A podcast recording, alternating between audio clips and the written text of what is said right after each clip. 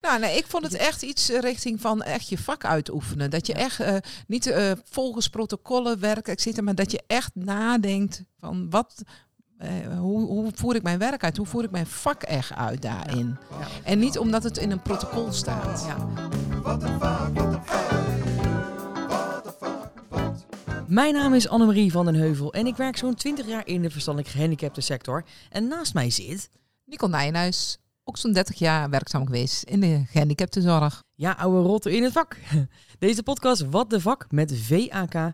Daar verbazen wij ons over al die mooie dingen van ons werk in de verstandelijk gehandicapte sector. Maar we winden ons ook op over dingen waarvan we zeggen, wat de vak? Hoe zit dat nou eigenlijk? En waarom gebeurt het nou juist wel of juist niet? Ja, en deze keer werd ik toch wel plaatsvervangend trots op onze collega's in het onderwijs.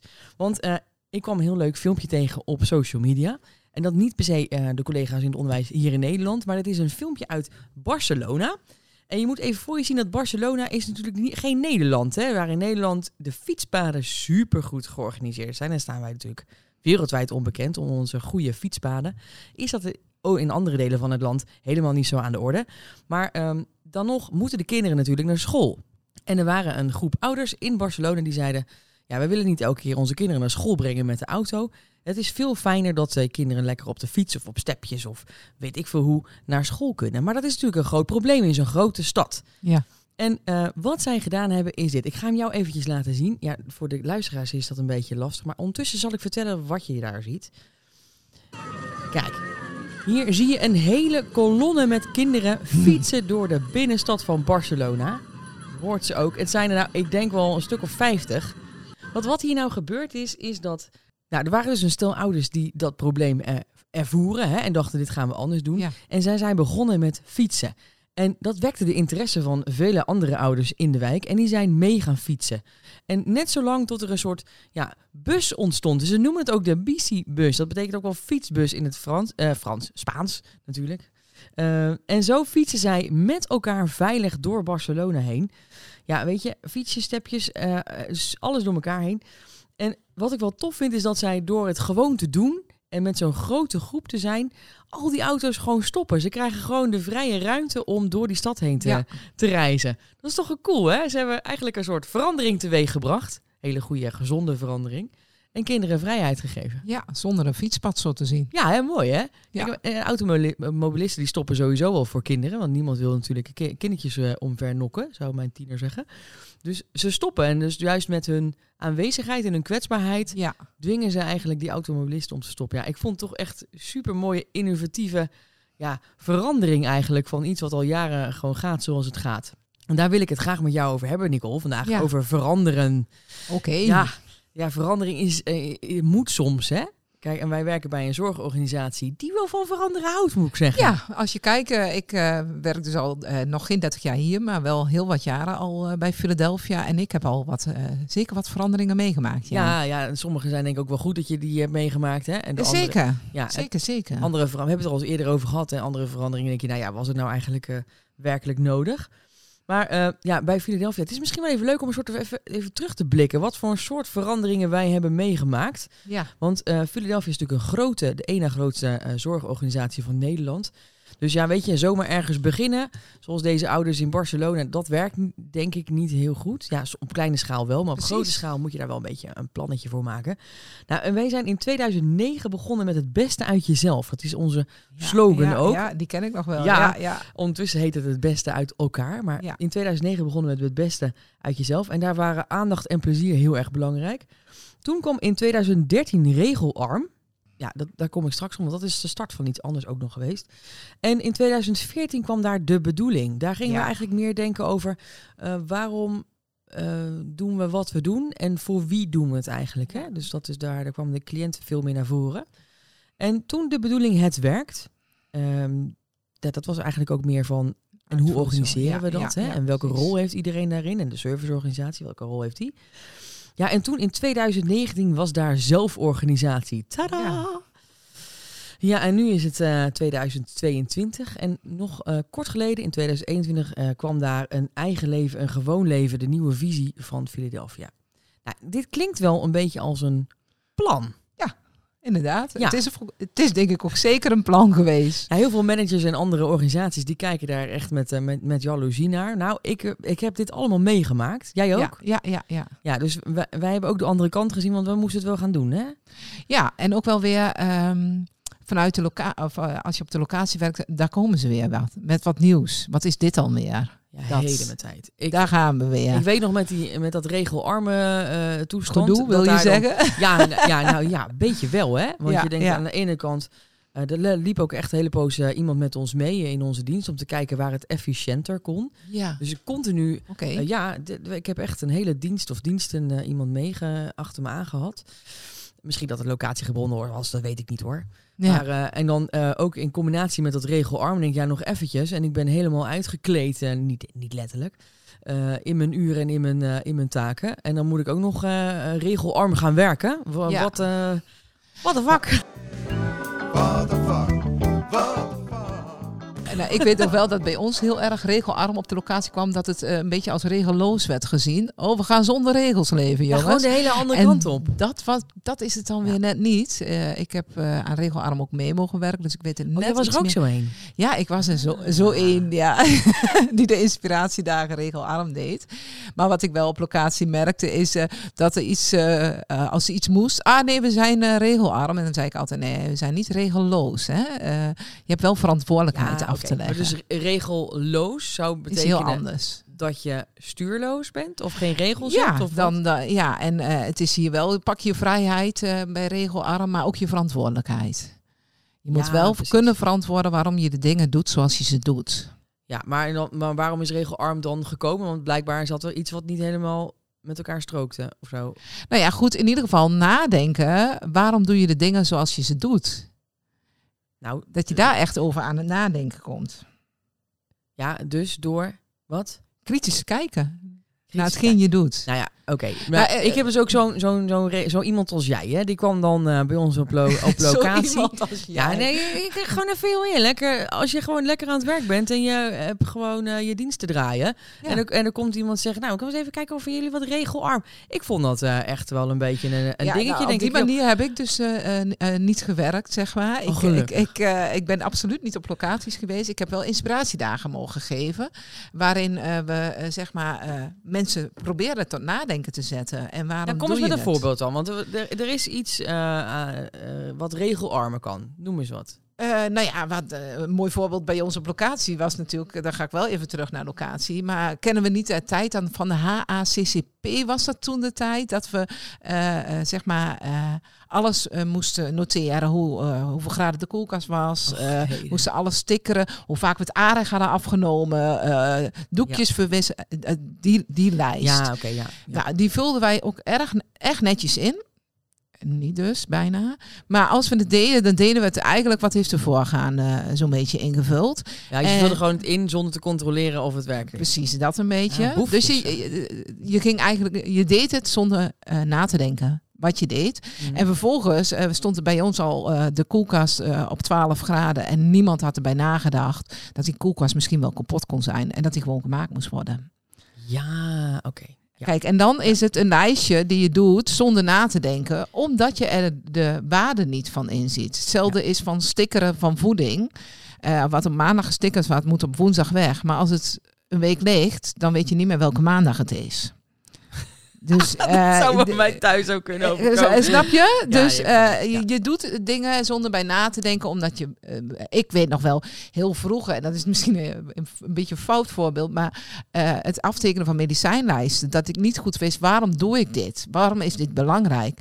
En dat ik echt aftekende met alle leden van het Koninklijk Huis heb ik geloof ik gehaald. En niemand die erop reageerde dat dat niet klopte, zeg maar. Goeie tip, goeie tip. Dus, eh, maar nu ik weet waarom het belangrijk is, dan doe ik het ook. Dus dat is echt wel het regelarm nadenken van... hé, hey, waarom doe ik de dingen en waarom is het belangrijk? En als je regelloos zou zijn en je zou die medicijnlijsten overboord gooien, dan, dan Ja, heb je dan- gewoon wel risico op... op eh, dan kun je dat niet goed die- verantwoorden. Ja, dat je die reflectiepunten ook mist. Maar dan moet je het niet eh, klakkeloos doen. Ja, ik was een beetje gemeen net hoor, want ik, ik snap nee, best wel ik vind het heerlijk dat je dat ik, doet. eh, ik, snap het best het belang wel. Maar zo'n eerste reactie op, op iemand die dan je daarop wijst, was best wel eventjes slikken. Ja. En het zou ergens, wat ik daar wel goed aan vond in die periode, is dat je dus ehm, denkt, eh, waarom moet ik doen zo, waarom doe ik zoals ik doe? Ja.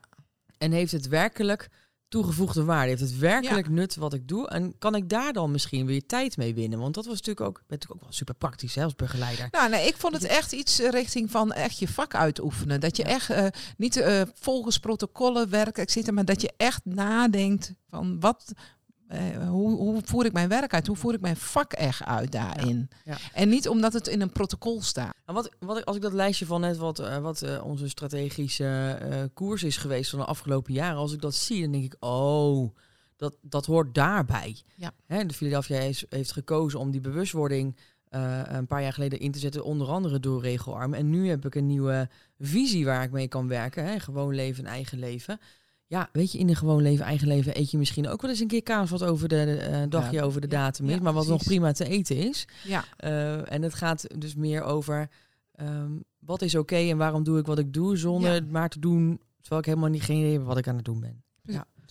Helpt jou dat ook als je weet wat de plannen zijn? Om... ja, absoluut. Want ik denk wel dat ik, eh, ik ben iemand die eh, op locatie best wel weerstand kon geven. En dat ik dacht echt wel naar het servicekantoor ook, oh, daar verzinnen ze weer wat. Nou ja, nu eh, ben ik werkzaam op het servicekantoor en weet ik iets meer de know-how daarachter. En dat geeft mij wel, heeft mij veel, veel meer gegeven dat ik snapte waarom. Dus je hebt wel informatie nodig achter de plannen die Ja, er liggen. Dat is wel mooi dat je het zegt. Want ik hoorde laatst dus iemand die vertelde dat ze eh hoorden waarom. Wij hebben nu allemaal van die, van die nieuwe inlogdingetjes hè, met. eh, Oh ja, ja, Och ja. man, en met, met vingerscan en Ja, eh, ja, ja, een ja, appje ja. hier, appje daar. En dan weer een handleiding hoe je dat, dat moet downloaden. Nou, er is gewoon, in plaats van dat het makkelijker werd, werd het eigenlijk een stapje irritanter voor nu, voor ons. Ehm, maar totdat je hoort waarom. Kijk, en als ik dat dan weet, dan denk ik, oké, weet je, ik leg mijn vinger nog wel een keertje erop, weet je wel. Ja, ja, ja, ja, en dan precies. eh, maar- ben ik ook eerder geneigd om dat eh, met... Maar dat is dan de informatie hè, die je echt wel nodig hebt om dingen te snappen. En eh, ben je leergierig genoeg om al die informatie Ja, nou ja, ik vind als begeleider had ik dan wel een beetje daar een, eh, Ja, een aversie tegen. Ja. Ook eh, als ik dat niet goed werd, werd, werd, werd meegenomen, zeg maar, in het eh, geheel. Dus eigenlijk is dat wel een goede tip voor iedereen van de serviceorganisaties die nu luisteren. Neem, ja, neem maar, mensen maar- mee. maar- ja, ja, maar hoe doe je dat dan op een goede manier? Hè? Want dat is ook echt wel van hoe informeer je zoveel mensen binnen je organisatie op een goede manier? Want dat, dat eh, puzzelt me eh, regelmatig. Dat ja, dat klopt. wanneer je zaken, eh, ik, ik hou me bijvoorbeeld ook bezig met dit vind ik ervan, hoe informeer je mensen daar het beste over? Ja, en wat ik, wat ik ook merk is dat het soms heel lastig is om uit te leggen wat je dan eigenlijk ook nodig hebt. Dus dat je eerder geneigd bent om te klagen en te mopperen. Mhm. En dan, nou, ze, ze daar en ze hier. Ja, heb ik ook heel veel gedaan. Maar als je dan werkelijk de vraag krijgt van, maar wat heb je dan nodig? Dat dat best lastig is om, om in zo'n flow van denken Ja. te komen. Van, oké, maar dan ga ik ook concreet een vraag stellen.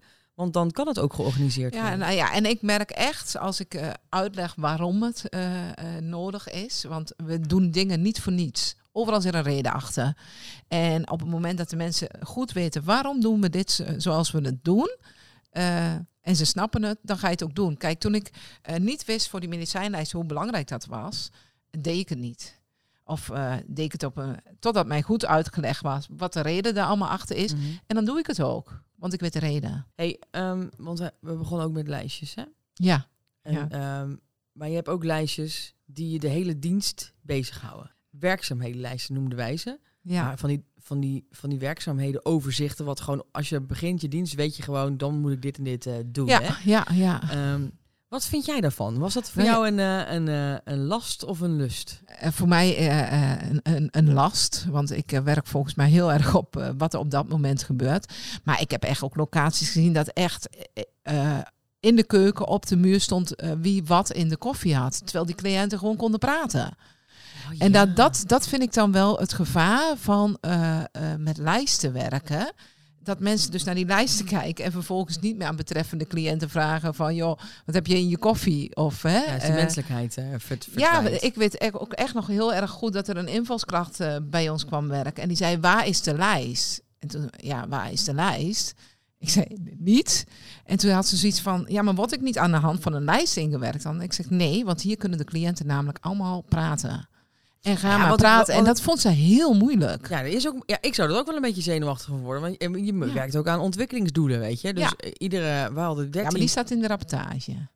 Ja, oké. Ja. Maar dat is dan ook wel lekker als je één overzichtje hebt en dan je denkt, oké, de ontwikkelingsdoelen die, die stonden dan Nee, in de werkzaamhedenlijst. En denk ik, oh ja, we moeten met Henk eh, praten over, eh, over wassen. En die wil leren fietsen, dan moet ik op donderdagavond mee, mee fietsen. Ja, ja.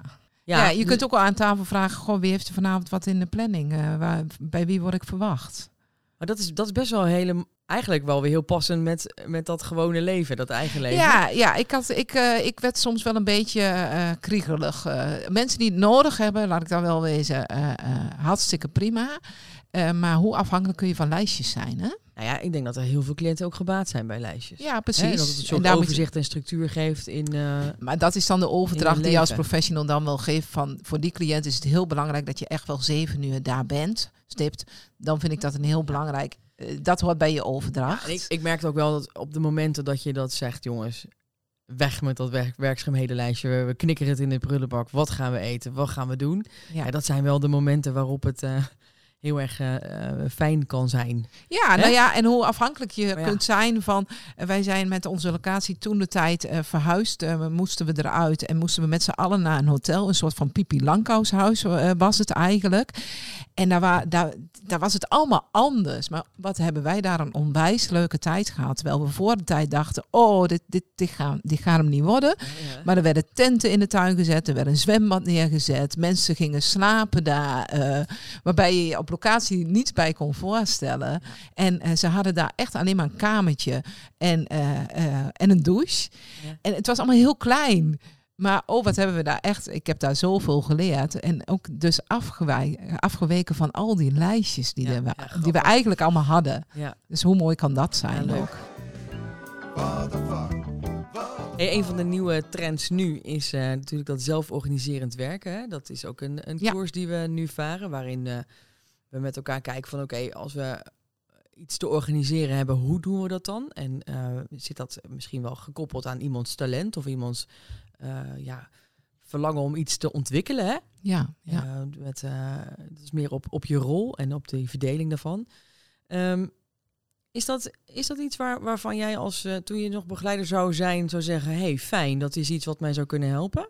Ik weet dat eh, toen de term zelforganisatie viel op locatie, dat ik toen, en nou, nogmaals, ik was iemand best wel die eh, af en toe kon schoppen tegen dingen. Dat ik zei, oh, Oh. dit is een bezuinigingsmaatregel. Oh, Zo zag ik hem echt. Ja. Oh ja, dit is weer een soort van bezuinigingsmaatregel. Totdat ik meer informatie kreeg. En dan ga je er toch weer anders naar kijken. En dat is, eh, ja, dat, dat is zo belangrijk. Ja, Van, je meer- meer- De plannen erachter weten. Ja, en dat je, dat je weet van oké, als ik zelf meer zou kunnen beslissen hè, en die verantwoordelijkheid gezamenlijk draag, dan, eh, dan wordt mijn werk misschien wel juist makkelijker. In plaats van dat ik nu Nou. moet wachten tot, tot iemand daarover gaat die daar dan zo gezegd over gaat. En ook leuke, denk ik. Je wordt echt gezien als een iemand. Ja, je kunt Ik- dat gewoon beslissen als ja, ik ben benieuwd zijn. of eh, mensen dat inderdaad eh, leuker vinden. Het is misschien wel een leuke vraag om te stellen in de, in de nieuwsbrief en, en aan onze ja. luisteraars. Of, ja, ik ben wel eh, benieuwd. of je werken, eh, zelforganiserend werken je werk leuker maakt. Ja. Leuk, want wat is leuk, hè? Dat is ook wel interessant. We gaan het gewoon, we gaan het gewoon de, de mensen vragen. Hey, wat, ik ken nog iemand. Iemand Ja? die ehm, eh, manager is op een eh, locatie. En sinds kort eh, onze collega is bij de afdeling zorg en kwaliteit. Maar nog niet zo lang geleden werkzaam was als manager. En kijk, als manager sta je toch misschien wel aan de andere kant. Hè, van, Ja, ja, dat. Wij zijn natuurlijk altijd begeleider, koning en begeleider geweest. En in hoeverre heeft zelforganiserend invloed gehad op haar rol en taak als manager? We gaan bellen met Doreen Ottens.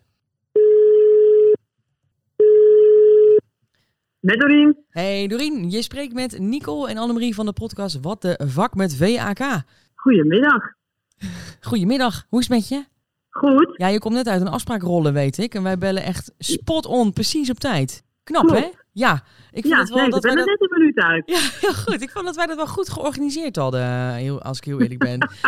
We zijn van de tijd. Hè, ja, we hadden het goed opgeschreven dat we jou om, eh, nou ja, op deze tijd eh, mochten bellen. Hey, superleuk, want wij hebben namelijk een vraagje. Want nog niet zo lang geleden ben jij locatiemanager geweest. Manager heten we nu Klopt. deze functie, hè?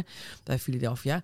Hey, en heb jij een beetje gesnuffeld en gewerkt aan om zelf organiserend te werken met je team toen?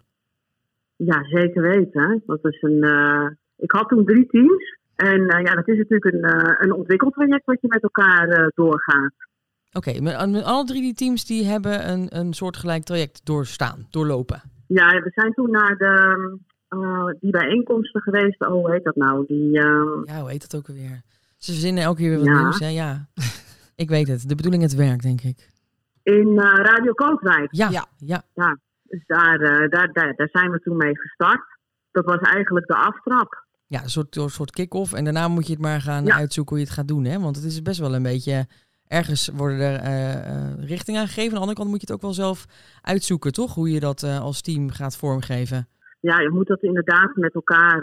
je, enerzijds krijg je vanuit die workshops, wordt natuurlijk voor, voor medewerkers en voor mij ook duidelijk van joh, welke kant gaat het op?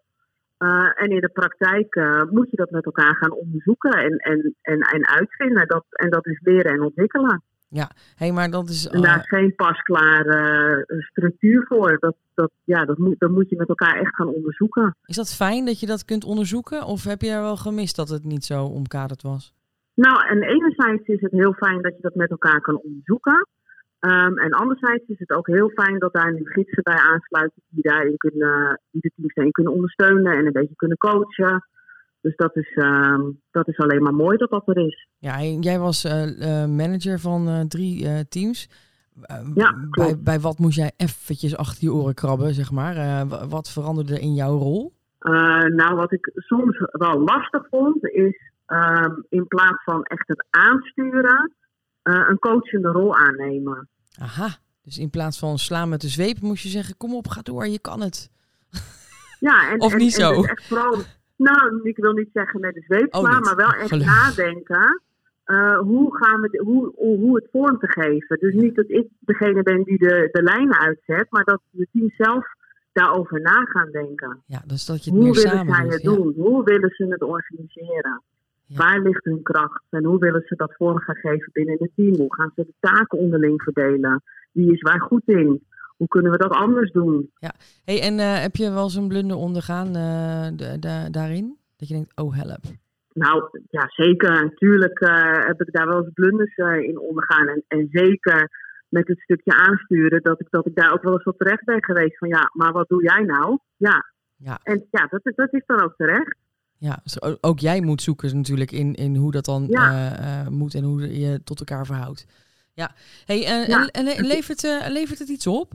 Ja, tuurlijk levert het iets op. Het levert natuurlijk voor... ja, tuurlijk. voor Wat, wat, je zegt tuurlijk, maar hoezo? Wat, waarom natuurlijk? nou ja, als, als zij, de, de, ehm, eh, ikzelf, maar ook medewerkers krijgen natuurlijk veel meer vrijheid. Doordat zij zelf kunnen, kunnen bepalen of de keuzes kunnen maken hoe ze het gaan doen. En hoe ze het vormgeven en hoe ze het organiseren. En als, als ik hen zou bellen, zou, zou zij dit ook zeggen, denk je?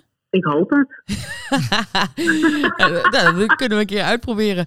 Ja, want het is natuurlijk ergens zo. eh, kijk, eh, je, je moet iets. eh, er komt een verandering aan en we gaan zoiets doen. De eerste reactie is: oh, help, werk erbij. En dan zeg je: nee, natuurlijk, het levert vrijheid op. Dus dat is, helemaal als je Ja. begint, kan ik me Ja, voorstellen dat het soms best wel een beetje Ja, zeker in het begin eh, is het, was er ook zeker sprake van weerstand. Ja, hoe, eh, waarop en waar, hoe zag dat eruit? Nou, het is natuurlijk een, een, een- verandering. En, en verandering eh, geeft, geeft vaak weerstand. En, en ja, je krijgt natuurlijk over, ja, zoals we het nu doen, is het te goed? Waarom moet het anders? Dus ja, je bent met elkaar constant in, in ontwikkeling. Omdat je natuurlijk, je moet met elkaar gaan ondervinden van, joh, wat, wat levert het je op? En dat betekent ook constant herhalen. Ja. Eh, en, en, het, en, laten, en met elkaar eh, laten inzien wat het, wat het kan opleveren. En ik, en ik denk als je dat lang genoeg met elkaar doet. eh, en medewerkers ook echt zien wat het, wat het ze oplevert en wat het de cliënten oplevert. dat je dan met elkaar echt, echt gaat ervaren van wat het het team kan opleveren. Ja. Hey, en zei, eh, voor het team levert het vrijheid op. En wat, wat, wat levert het voor cliënten op? Nou ja, uiteindelijk natuurlijk ehm, eh, hebben zij medewerkers die eh, doen waar zij goed in zijn en waar ze plezier in hebben. Ehm, en medewerkers weten over het algemeen het beste wat er nodig is om eh, de zorg en de ondersteuning zo goed mogelijk te organiseren. Ja. En dat levert uiteindelijk blije cliënten op. ik, ik moet dan, wij- wij kaarten heel veel met vrienden. En als er dan iets gebeurt, ik ben al een maatje met mijn vriendin. En haar man zegt dan als er iets gebeurt, ja, eh, happy eh, wife, happy life. Daar moet ik een beetje aan denken. Maar dat is misschien wel, ehm, eh, misschien wel waar. Dus je zegt van als de medewerker goed in zijn vel zit en, en de ruimte en vrijheid ervaart in zijn werk, dus misschien wel zeggenschap over zijn of haar werk, is het ook zo dat, dat de cliënt ook meer die, die vrijheid en ruimte en zeggenschap kan ervaren en hebben in zijn le- Ja. leven. Ja. Wat Ja. mooi. Nou, eh dankjewel Dorien ehm, eh, voor dit gesprek en dit, eh, de- deze mooie kijk op de praktijk van hoe zelforganiserend werken een, een team kan, kan helpen en de struggles daarij. Dankjewel. Ja, graag gedaan. Hey, en een hele fijne dag en tot ziens. Jullie ook. Doei doei. Doeg. Ja, happy wife, happy life. Dat, dat zou wel interessant zijn om te onderzoeken. Of een, als een team zeg maar zelforganiserend zou werken, of dat dan werkelijk zo'n invloed heeft op, eh, op het leven van de cliënt. Want als je dat zou kunnen aantonen, dan, dan moet toch iedereen zelforganiserend gaan werken. Ja, maar ik, denk, ik denk dat het werkelijk wel zo is. Op het moment dat een team lekker draait en doet, dat, dat heeft absoluut zijn weerslag op eh, cliënten. Absoluut. Ja. Ja, Ja. ben ik van overtuigd. Ja, ze zei ook wel van die verandering gaf ook wel wat weerstand. Hè, van, wa- wa- Ja, ja, eigenlijk- herkenbaar. Ja. Eigenlijk ook wel prima. En ik vind wel, als ik even terugkijk naar het, eh, het filmpje in- in Barcelona. Hè, dus er waren zat ouders die zeiden het is eigenlijk ook wel prima met de auto door de stad.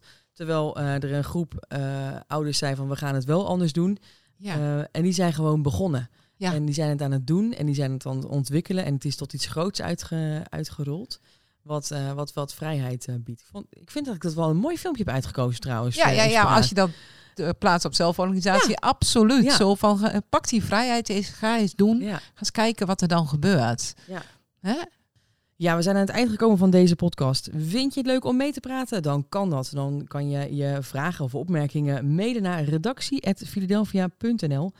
Eh, en natuurlijk onze nieuwsbrief, ons vak, waarin we je inspireren op allerlei leuke thema's. En natuurlijk prikkelen met eh, ja, lastige en leuke stellingen. En dat je kunt testen en onderzoeken over eh, nou, hoe het bij jou van binnen zit bij sommige leuke onderwerpen. Nou, wil je dat? Dan mail ons. En eh, ja, weet je, We zien je reactie graag. ja, we zien je reactie. En hoe je het organiseert, dat mag je zelf weten. Daar bemoeien we ons niet mee, want we zijn natuurlijk super zelforganiserend daarin. Ik zou het wel heel erg leuk vinden hoor, maar eh, hè, dat terzijde. Hey, heel erg bedankt, Nicole. Jij ook? Ja, jij ook, En, eh, Annemarie. Tot de volgende keer. Doei. Doei, doeg.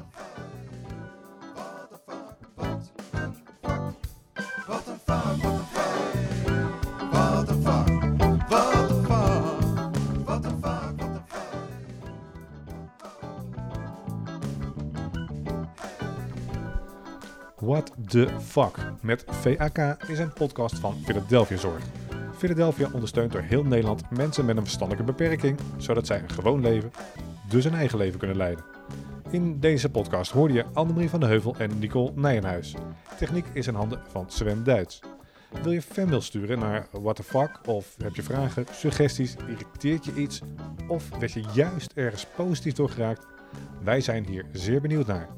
Je reactie kan je sturen naar redactie.philadelphia.nl